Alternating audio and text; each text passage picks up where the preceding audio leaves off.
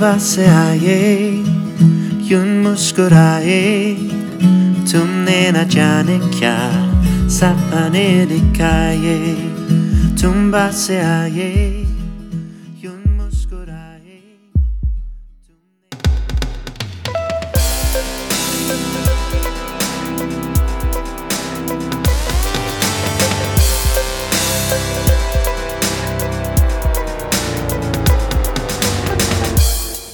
Rigtig hjertelig velkommen til Stetoskopet. Mit navn det er Ulrik Stolze, og jeg sidder her i de helt nye lokaler, vores helt nye studie i Studenterhuset.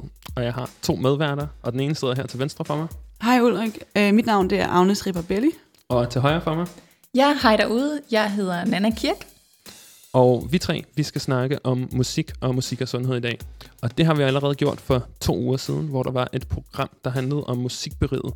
En øh, case, som øh, jeg primært var ude og optage sammen med Lisbeth Sagen.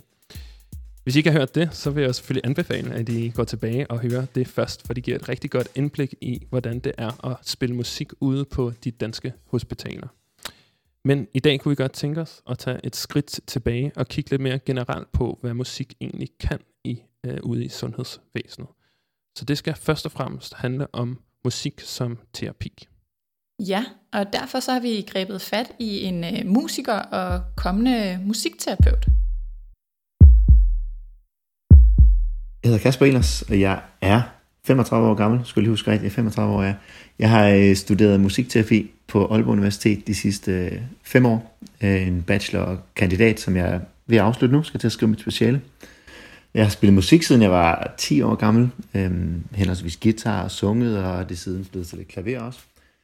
Øhm, Men Kasper fortæller, at musikterapi er meget mere end kun at spille på instrumenter. Ja, det er helt rigtigt forstået. Altså, musikterapi kan være alt fra 100% musikbaseret til øh, 100% samtalebaseret. Det kommer fuldstændig an på, hvad der er af, øh, ja, hvad, hvad patienten eller klienten har af kompetencer. Altså hvis du har med en hjerneskade at gøre, så er der måske meget, meget lidt sprog, måske intet sprog, og så, så handler det om kommunikation på et andet niveau. Øh, måske kan de spille på en tromme, men måske kan de spille lidt på et klaver, og, og, og samtidig så kan du have nogle, øh, der kan du have helt normalt fungerende mennesker, hvor, øh, hvor du faktisk slet ikke bruger musikken, men de har, har brug for bare at tale og få noget støtte på den måde, og, og så gå ind i den terapeutiske proces øh, på den måde. Men øh, i mange tilfælde vil det være en blanding. Så, øh, så vil musikken på en eller anden måde åbne op for øh, en samtale, eller være en nøgle til, til, til et eller andet, der foregår inde bagved. Den første situation, hvis jeg skal tænke på en situation med en patient, hvor vi virkelig har, har opnået en kontakt gennem musikken, øh, så er det den nylige praktik, jeg har været i Australien, hvor jeg havde et, øh, en indisk kvinde, som var pallieret. Hun øh, vidste godt, at hun skulle dø af den her kraftsygdom, og øh, det havde hun egentlig øh, på en måde accepteret, øh, at hun skulle. Hun var, hun var træt og havde ikke så meget tilbage af energi. Men hendes mand øh, var, ville ikke acceptere det, og han, øh, han var meget i benægtelse og og øh, holdt ligesom fast i, at hun skulle kæmpe, og hun skulle i hvert fald ikke øh, stoppe sin behandling. Og øh, der er to vidt forskellige behov til stede. Hun har behov for, for ro, og jeg kunne spille noget musik, der bare kunne, kunne give hende noget, hvad skal man sige, noget livskvalitet og noget, måske noget afledning fra smerte og så videre. Og så har vi ham, der sidder ved siden af, og manden, og kun vil have øh, positiv musik, glad musik, der kan få hendes energi op og få hende til at tro på livet igen. Og øh, det er to vidt forskellige behov. Og øh, det kunne jeg ikke rigtig... Med, det er jo virkelig svært med samtale og, og få de der to behov til at, at mødes på en eller anden måde. Men så snakkede vi om musik, og de havde den her indiske sang, som de helt vildt godt kunne lide. Han var rigtig glad for den, og den havde et meget positivt budskab, og det passede lige ind i hans rammer. Så den gik jeg hjem og lærte, og da jeg havde næste station med dem, så, så prøvede jeg at spille den her sang. Tumba se muskuraye yun muskurae, jane kya sapane dikaye tumbaseaye yun muskuraye tumne na kya sapane dikaye Jeg spiller den lidt som originalen på den her øh, positive, upbeat måde, så han bliver rigtig glad mand og sidder og føler, at det er noget, hun kan bruge til noget. Og, øh, og så omstemmer jeg lige så langsomt med musikalske, øh, de musikalske parametre, det vil sige, at jeg tager den måske lidt ned i dynamik, jeg tager volumen lidt ned, jeg tager den lidt ned i tempo også, og øh, Jeg synger måske lidt blødere på konsonanterne og gør det hele lidt mere lav dynamik, hvis man kan sige det sådan. Og, øh, og på den måde øh, imødekommer hendes øh, behov for, for ro og afslappning. Og, og jeg fik manden med ind i det øh, på en måde, hvor han ikke følte, at han ikke blev mødt i sit behov. Og det var, sådan, det var virkelig musikken, der var nøglen til det, fordi jeg kunne lige så langsomt omstemme. Og det endte med, at de begge to sidder med lukkede øjne og bare nyder og lytter til den her sang hele vejen ud. Na jane kesa esase Bujati nahi ne kya pyase Kya isa Mucha Kya ne det var et fantastisk øjeblik, fordi han kunne se, hvor meget hun fik ud af øh, det rolige i musikken, og, og det her med at, at få lov til at bare lade hendes mind drift away. Jeg kan ikke rigtig se nogen andre måder end, end musikken, der kunne have gjort det. det. Det er sådan helt... Den sidder meget tydeligt i hukommelsen, ja.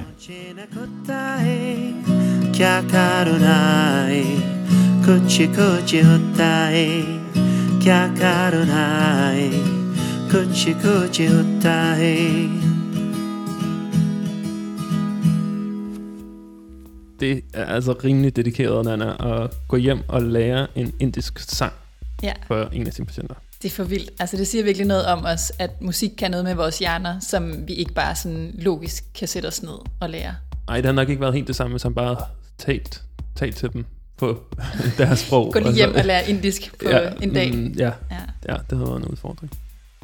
Men den her case, den tæller jo også øh, virkelig meget ind i det her med, hvad musik kan gøre sådan rent følelsesmæssigt i et rum og blandt os som pårørende. Øhm, men jeg synes også, det er lidt interessant at, at, at tænke på det her med, man snakker også om, kan musik ligefrem sådan regenerere nogle evner, vi har tabt, eller har det på en eller anden måde også en mere fysiologisk øh, indvirkning på os? Og, øh, og det fortæller Kasper jo faktisk også noget ret interessant om. Nå, Inden jeg, inden jeg skrev bachelor, var jeg i praktik, med, øh, hvor jeg arbejdede med mennesker med erhvervet hjerneskade, voksne med erhvervet hjerneskade. Og der havde jeg en øh, kvindelig, kvindelig patient, som øh, nærmest ikke havde noget sprog.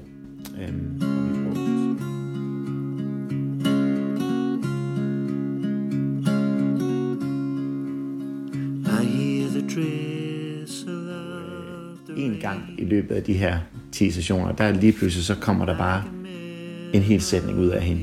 Øhm, hvor jeg har, jeg har hørt hende fremstamme et enkelt ord i ny og næ, hvor hun virkelig koncentrerer sig. Men her, efter vi har lyttet til en sang sammen, som jeg kunne se øh, havde nogle stærke følelsesmæssige øh, responser hos hende, så, øh, så kom der den her lange beskrivende sætning omkring, hvad hun synes om den sang. Og det var fuldstændig, det. jeg var helt overvældet, hvis det ikke, hvad jeg skulle, øh, skulle gøre af mig selv.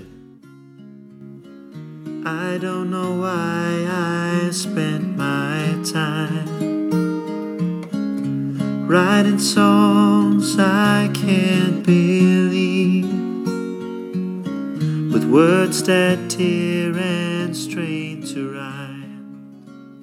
Ja, og det er jo øh, vildt rørende og svært ikke at lade sig rive med af de her fortællinger, synes jeg. Øhm, men Helt klart. ja, Men samtidig så må man jo sige som det er, at det, det, er, nogle, det er nogle rørende anekdoter, men anekdoter er ikke evidens. Uh, så vi snakkede også med Kasper om, hvad øh, evidensen egentlig siger omkring musikterapi. I modsætning til, hvor mange mennesker går og tror om musikterapi, øh, måske er det også, har det også noget at gøre med uheldige sammenligninger med lydhealing og, og så videre, så er der øh, masser af evidens øh, bag øh, brugen af musikterapi som intervention øh, i alle mulige forskellige sammenhænge. Vi har, øh, vi har Cochrane, flere Cochrane reviews, altså den højeste standard øh, inden for forskning, øh, som er meta-reviews samlet af rigtig mange ACT-studier, øh, som undersøger musikalske interventioner i forhold til angst, depression, øh, demens, øh, fysiologiske og psykologiske afkomst ved cancerpatienter. Og, og al, alle de her, det er altså det, er der Cochrane Reviews for, altså så, hvor, der, hvor de har samlet rigtig mange studier, som øh, handler om lige præcis det her, og så lavet et overall meta-review omkring det. Så der er, der er virkelig meget øh, evidens for det.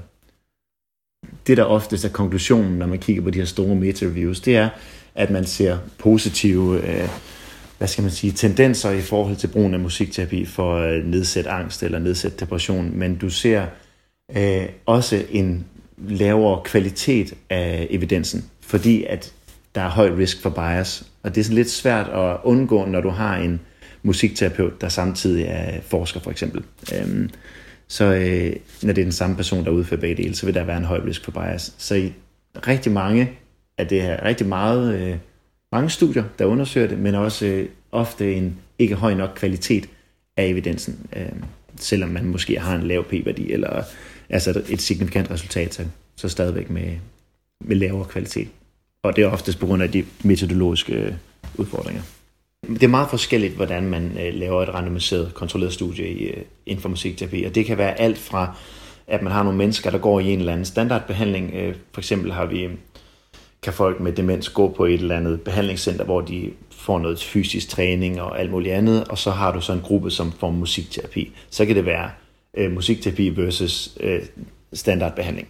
Men det kan også være, folk, øh, være, være studier, hvor du ser, at folk lytter til øh, indspillet musik, altså CD'er og så videre, øh, versus nogen, der øh, får musikterapi. Øh, det, det kan være alle mulige forskellige måder, man, man laver kontrolstudier på, og det har selvfølgelig også noget at sige i forhold til kvaliteten af evidensen, og hvad det er, man, man egentlig måler op imod.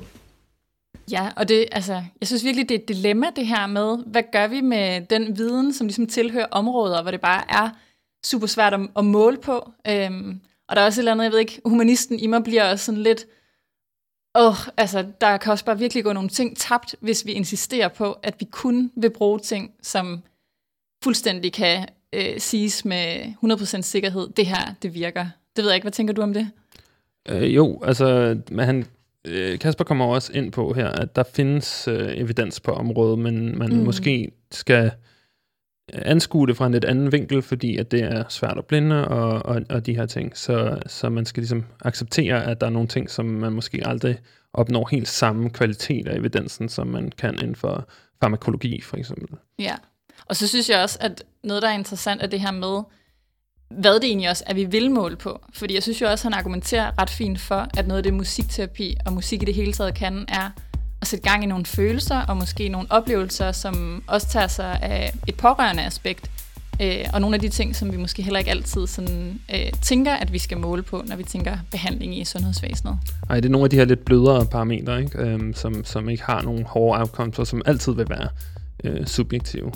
Øhm, men ikke desto mindre, så, så synes jeg, det er lidt interessant med det her, når man siger, mm, okay, hvis musik har en, en virkning, øhm, så plejer man at sige inden for, for den medicinske verden i hvert fald, man kan ikke have en virkning uden en bivirkning. Øhm, men der står, øh, der er Kasper helt klar i spyttet. Jeg vil gerne stå ved, at der ikke er nogen negative bivirkninger ved musikterapien. Ja, det vil jeg gerne. Øh, man kan godt, øh, man kan godt øh, se scenarier, hvor musik kan være uhensigtsmæssigt. Helt klart. Men det er jo musikterapeutens rolle at kunne se, øh, hvad der er hensigtsmæssigt i en øh, terapisession. Og det er ikke, det er ikke 100% alle, der vil øh, kunne gå ind i musikterapisessioner og, og give sig hen til det og få, noget, få en hel masse ud af det. Det er ikke sikkert.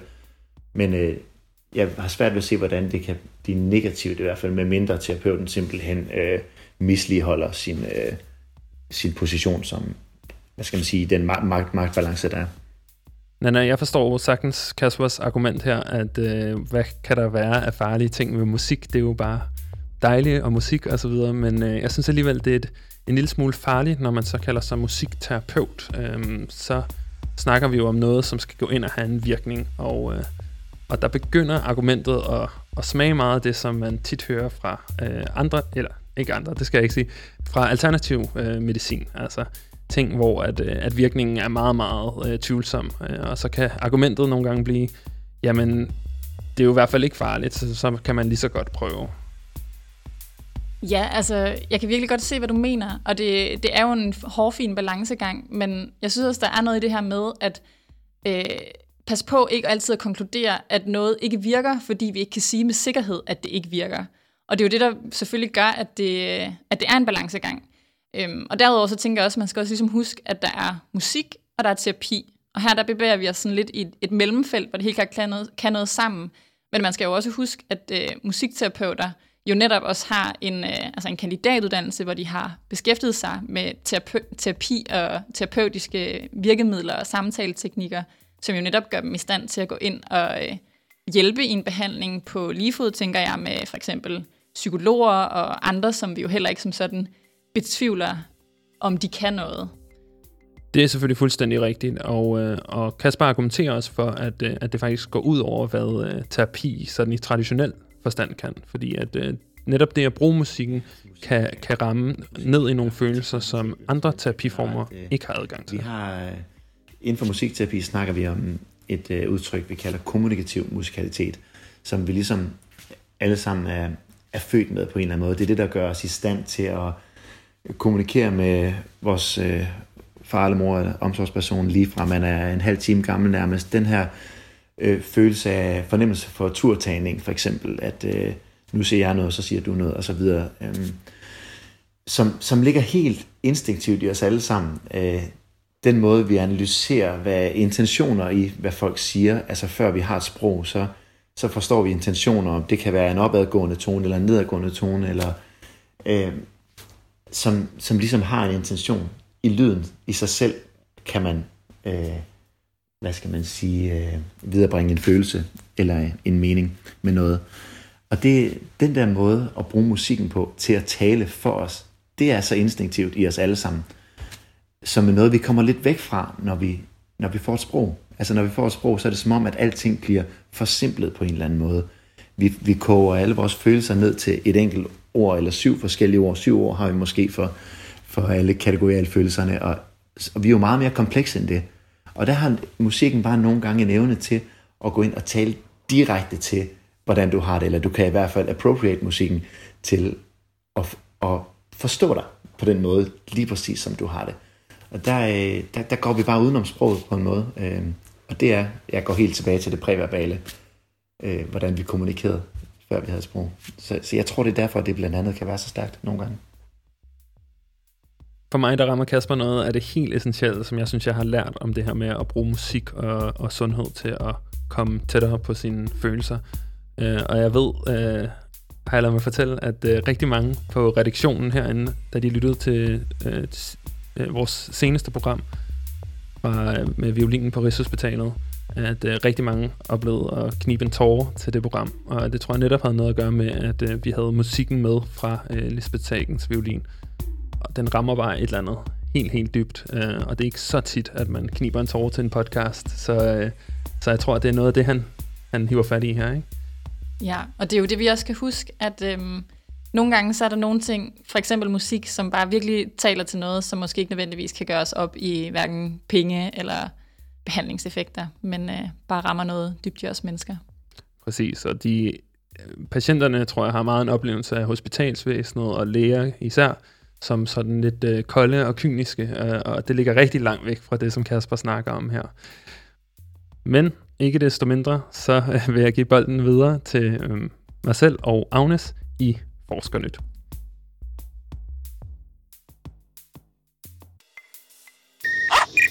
My calculations are correct. You're gonna see some serious shit. Med den eksplosion er der evidensniveau 1A for, at det er blevet tid til Forskernyt.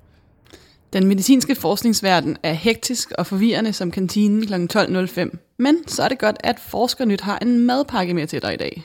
Og det kommer ikke som nogen overraskelse, at den madpakke den består af tre studier, der handler om musikterapi. Og Agnes, det er nogle studier, som du har fundet frem til os. Og hvad er det første, du har taget med? Det første studie er øh, fra Pediatrics, og det var udgivet i 2013. Øhm, og det er et interventionsstudie, som blev lavet på 272 for tidligfødte børn, hvor forskerne spillede musik til en vuggevise, og så målte de vitalparametre før og efter. Så børnene var deres, ligesom deres egen positive kontrol. Og det man kunne se, uh, var, at mens der blev spillet musik, og lige efter, så var der en positiv effekt på deres hjerterytme og respirationsfrekvens. Uh, og børnenes, eller de for tidligfødte børn sov bedre og tog mere på i vægt. Så det havde ligesom en generelt god effekt på deres velvære. Og Agnes, det synes jeg er et øh, ekstremt stærkt studie at fundet frem der fra, øh, fra Pediatrics. Det er lidt øh, ældre dato, ikke også? Det er fra 2013, som du sagde, og Øhm, så jeg gik lige tilbage og fandt et, øh, et systematisk review, eller det vil sige, du fandt det til mig, øh, men jeg gik tilbage og, og læste det lidt igennem. Det viser sig at være et øh, systematisk review af systematiske reviews. Det vil sige, de havde 13 systematiske reviews, som alle sammen omhandlede musikterapis indvirkning på forskellige sygdomme. Øh, og det er ret interessant at se, hvor mange forskellige sygdomme det her det er blevet prøvet af i. Øhm, det er blevet prøvet af i øh, forbindelse med autisme, øh, generelle handicap, epilepsi, øh, mental retardering, øh, det her neonatologiske, øh, altså de nyfødte, ligesom det du snakkede om før, øh, og en lang række andre øh, tilstande. Øhm, og her, der, øh, der skriver forfatterne så om øh, de positive effekter, de kan have. Men øh, de opgør ikke sådan noget som øh, effektstørrelsen og, og hvor meget det egentlig betyder på det kliniske. Så jeg valgte at dykke ned i en af lidelserne her, og der valgte jeg så epilepsi og kigge på, at de øh, skriver, at musikterapi kan reducere øh, antallet af epileptiske anfald, eller i hvert fald epileptiske tegn på ens EEG, altså det her øh, elektro, øh, encefaloelektrogram. Det vil altså sige, at det handler om et, øh, et systematisk review, som ligesom var et lag dyre, dybere i, i den her seance. Og det øh, tidsskrift, det hedder Sage øh, Journal, så er et, øh, et mindre øh, tidsskrift, som faktisk handler mest om, øh, om at være øh, sygeplejerske og sygeplejestuderende. Øh, men der er nogen, der synes, det var interessant at kigge på det her med det, de kalder The Mozart Effect on Childhood Epilepsy. Så der har man været inde og kigge på otte studier, der er blevet udgivet omkring det her. Og øh, alle de her studier viser en tendens mod, at det har en effekt på det, der hedder epilepsy discharge. Det vil sige, hvis du tager øh, epilepsipatienter og udsætter dem for Mozart, et helt bestemt stykke, som hedder Sonata K448, som kommer her.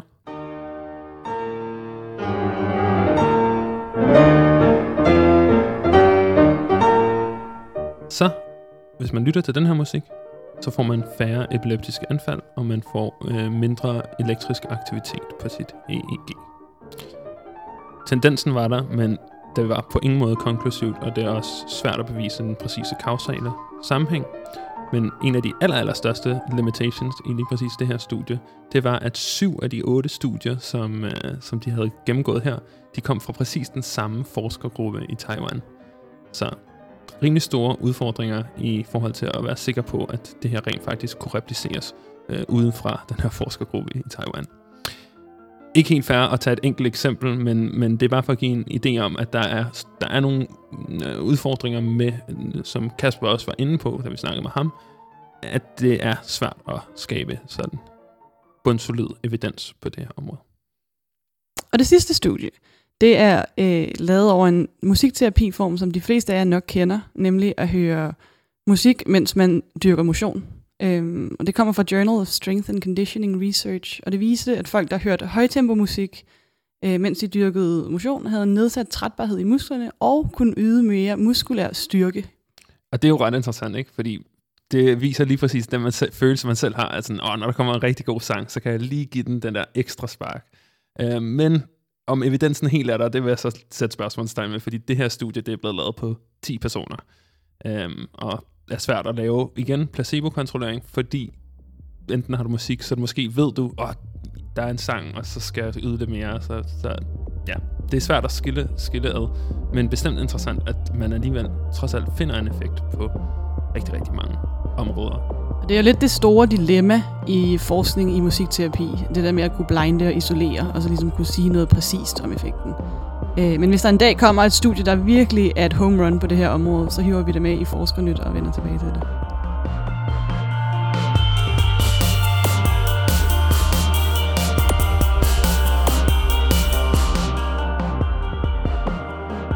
Ja, og nu har vi jo både mødt en musikterapeut, øh, snakket lidt omkring, hvad er musikterapi, hvad kan det, hvordan kan det også være nogle gange svært at sige, hvad det kan.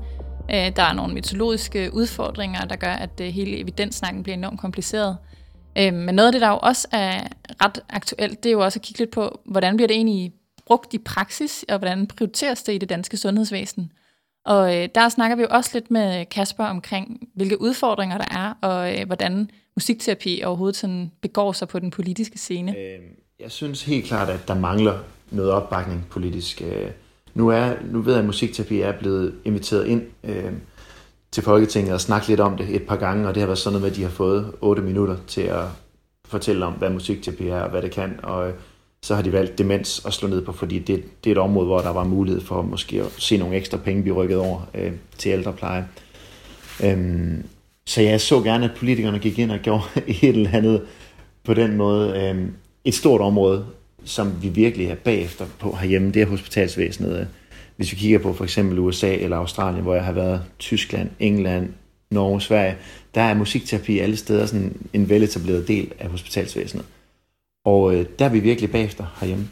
En af grundene til, at jeg tror, at det ikke er, musikterapi ikke bliver prioriteret så højt øh, af politikere, og, og måske ikke er så øh, anerkendt endnu som, øh, som behandlingsform, eller stadig ses som en alternativ behandlingsform, det tror jeg simpelthen også er, fordi det, det er meget ny uddannelse. Altså vi startede i, jeg tror det var midt 80'erne, vi havde det, det første hold, der blev, der blev uddannet, og jeg tror også, det har været anset som en form for hippie-uddannelse i noget tid, og øh, meget af det forskning, jeg henviser til her, det er alt sammen sket inden for de sidste, øh, ja, i hvert fald ikke mere end 10 år, når vi snakker Cochrane Reviews og så videre. Så på den måde, så selvom evidensen er der, så tager det stadigvæk tid, før det kommer ind under huden på folk, at det her det er en evidensbaseret interventionsform, øhm, og, og hvilke ting, der egentlig giver mening at arbejde med. Øhm, ja, det, det tror jeg helt klart er en af udfordringerne. Så tiden, tiden arbejder med os, så, øh, så er det måske heller ikke øh, hvad skal man sige, mennesker, der læser en musikterapeuddannelse uden at, uden at generalisere alt for meget. Måske ikke de mennesker, der råber allerhøjst om sig selv i, i, en, øh, i en verden, hvor, øh, hvor det kræver, altså der, der er sgu mange, der råber højt omkring, hvad det ene og det andet kan, og øh, vi har brug for nogle ambassadører, som også øh, som virkelig går forrest og siger, se her, her er vi, og vi kan det og det, og, og der er en masse evidens også for det. Så Kasper efterlyser nogle ambassadører på området, og derfor så tog jeg ud og prøvede at finde en, som var villig til at råbe højt om lige præcis det her emne. Jeg hedder Anna. Altså, jeg er musiker og sangskriver, så sidste år, der spillede jeg med Folketeateret, og var jeg sådan one-man band til Per Gynt. Og så er jeg nu også formand for DRBFA, som er danske komponister og sangskriver, og næstformand for Koda, som arbejder med sangrettigheder. Som formand har Anna Liddell slået sig op på, at vi skal have mere musik ud i sundhedsvæsenet. Så jeg spurgte hende om, hvorfor at Komponistforeningen skal ud og arbejde i den sfære. Jamen det startede egentlig ud fra en tanke om det her med, kan vi ligesom, hvor, hvor, er det, hvor er det musikken bidrager i samfundet? Kan vi ligesom få den mere ind på nogle andre sektorer, end der hvor den er lige nu? Øhm, og først så startede det meget med erhvervslivet, men der hvor vi mærkede, at der var allermest brug for musikken, øh, og allermest opmærksomhed på det faktisk, det var musik og sundhed. Det var ligesom der, hvor der var velvilje, både hos hospitaler og så videre, men også en masse evidens for, at musikken faktisk virker øh, i sundhedssystemet. Musikbranchen har jo ændret sig rigtig, rigtig meget, og, og det betyder, at du kan ikke så godt tjene penge på streaming og de andre ting. Så, så man ser i praksis, at flere og flere musikere søger nye veje, øh, og en af de veje, de går, det er netop ved at, at gå til hospitaler og så videre. Og der er for eksempel flere hospice, der har ansat et fast musiker Nana, hvis jeg skal spille med helt åbne kort her, så, det, så kommer hun lidt ind på nogle af de forudindtagelser, jeg måske havde om hele projektet med at få musikere ud på hospitalet, fordi det er jo ikke nogen hemmelighed, at musik er svært at leve af, at spille musik. Og, og der kan du måske være en, øh, en, en måde at, at opnå det, øh, at komme ud og spille musik for, for syge patienter, og så få hospitalerne til at, at betale for det. Ja, og øh, altså Ulrik, det synes jeg virkelig er en, en klog og vigtig pointe, at, at der, der er jo helt klart altid et forbehold, man skal tage, når der også kan være andre interesser på spil, end nødvendigvis kun, hvad der sådan er i patienternes bedste. Men altså omvendt, så synes jeg også, man skal, hvad skal man sige, øh, passe på med at skyde nogen noget i skoen, fordi, øh, bare fordi, at der er en legit interesse i også at vil øh, pleje sit eget erhverv og have noget at leve af, så er det jo ikke det samme som, at det er et modsætningsforhold til, at det kan bibringe mega meget glæde og værdi i patientforløb, og som vi jo både har set i forbindelse med nogle af de cases, der er blevet omtalt tidligere, og i, øh, i sidste program fra, øh, med violinen på ride, så, øhm, så giver det jo nogle patientoplevelser, som jeg heller ikke tænker kan sættes op i værdi. Så i nogle tilfælde kan det jo også være win-win for begge parter måske. Det bliver jeg også selv mere og mere overbevist om, men hvis der stadig skulle være nogen, der var i tvivl, så ved Anna præcis, hvordan man skal imødekomme den kritik. Vi kunne virkelig godt tænke os et videnscenter, som samler al den her evidens, ikke bare fra Danmark, men også fra Norge, hvor man har rigtig, rigtig meget. England har man også rigtig, rigtig meget. Samler den viden, der er, for at se, hvordan kan vi bruge den på den rigtige måde.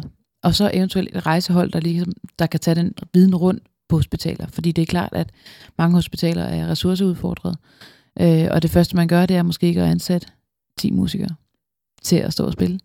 Så derfor er det jo vigtigt, at man siger, hvordan kan vi få den viden, der er, og bruge den bedst mulige måde på, på de her hospitaler.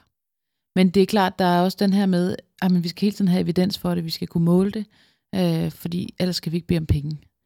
Øh, og så er der også det, hvor, hvor tager vi pengene fra? Og jeg tror ikke bare, det handler om, at vi skal tage nogle penge og fyre nogle læger, og så ansætte nogle musikere. Altså, det er noget med, at vi skal have de læger, der er, og så skal vi ansætte nogle musikere for at styrke. Altså, jeg tror ikke, det er en udgift. Jeg tror, det vil gøre, at folk er indlagt kortere tid.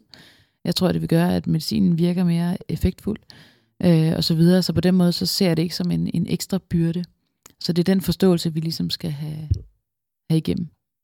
Et godt eksempel på, hvad musikken kan, det er for eksempel Parkinson-dans. Øh, jeg har selv en, en familie, medlem, der har Parkinson, og han øh, får tilbudt det her dans. Og det, der er så vildt, det er, at han nogle gange kan synes, det er svært at gå over en fodgængerovergang. Men øh, når han får lov til at danse til den her musik, så kan han pludselig bevæge fødderne. Og det er, jo, øh, det er jo ret vildt, og det er jo fordi musik er det første, vi reagerer på. Hurtigere end billede, hurtigere end alt muligt andet. Det, det er simpelthen indlejet i os, både øh, hukommelsesmæssigt, men også i forhold til motorik og så videre. Og der kan, der kan musikken simpelthen få nogen, som ikke normalt øh, kan gå til at gå. Og det er jo, Men eksemplerne på musikterapiens effekt er ikke kun at finde ude på hospitalerne. Den har Anna også haft helt tæt inde på kroppen, da hun brugte en af sine kollegaers optagelser. Før. Han har lavet sådan et orkesterværk, hvor han så også guider dig igennem en visuel rejse sammen med musikken, der passer til. Så ligesom siger, at du forestiller dig, at du er på en luftballon, og der sker de her de ting, og så videre. Øhm, og den brugte øh, jeg faktisk selv, da jeg var på barselshotel med, med min kæreste og en lille datter. Øh, og vi var ret, altså man har ikke sovet i mange dage, og der var komplikationer, og der var nogle forskellige ting. Og da den kom på, så skabte det bare en helt anden ro, som gjorde, at vi kunne sove, som gjorde, at, at øh, amningen kom bedre i gang. Ikke? Det er jo også, altså sådan, når, vi, når vi er helt oppe på den der helt grundlæggende, hvad der er musik kan, ikke? så er det jo et, et sprog uden ord på en eller anden måde. Og der er jo rigtig mange situationer, hvor man ikke øh, kan sætte ord på. Altså, det, kan jo, det er jo også derfor, der tit er musik til, til begravelser, eller dåb, eller bryllup. Altså, der er nogle følelser, der er så store, og på samme måde kan sygdom, og det, at du er syg, og du er kronisk syg, det sætter en masse tanker i gang. Øh, og en masse angst for de fleste, og en helt nyt identitetslys. Nu er jeg sådan en, der har en kronisk sygdom, for eksempel. Øh, og der er det bare vigtigt, at musikken kan gå ind og så sige, men det er mere komplekst end det. Selvom du har en kronisk sygdom, så kan du stadig føle glæde, du kan stadig føle sorg, du kan stadig føle alle de ting, du plejer at gøre. Nu er det bare med den her sygdom. Anna Liddell og Komponistforeningens arbejde med at få musikken ud på hospitalerne, det fortsætter, og vi ønsker dem alt muligt held og lykke med det projekt. Ja, og nu er vi jo så ved at nå til vejs ende her i dagens episode, og jeg må sige, jeg synes, vi har hørt både øh, for og imod og grænsket emne ganske godt, og jeg synes simpelthen, at når vi er i et land som Danmark, som bryster sig af at være et af verdens bedste sundhedsvæsener, så må jeg altså bare sige, at jeg er på Team Pro Music. Jeg synes virkelig, det har en berettelse fra mit personlige standpunkt i hvert fald. Og så vil jeg også sige, at man kan jo ikke udelukke, hvis musik øh, har en gavnlig effekt, så kan det være podcast. Også har det. Hvem ved? Det må vi studere en dag, når vi får tid til det. Uh, og i mellemtiden, så kan du altså gå ind og finde programmerne for stetoskopet inde på stetoskopet.nu.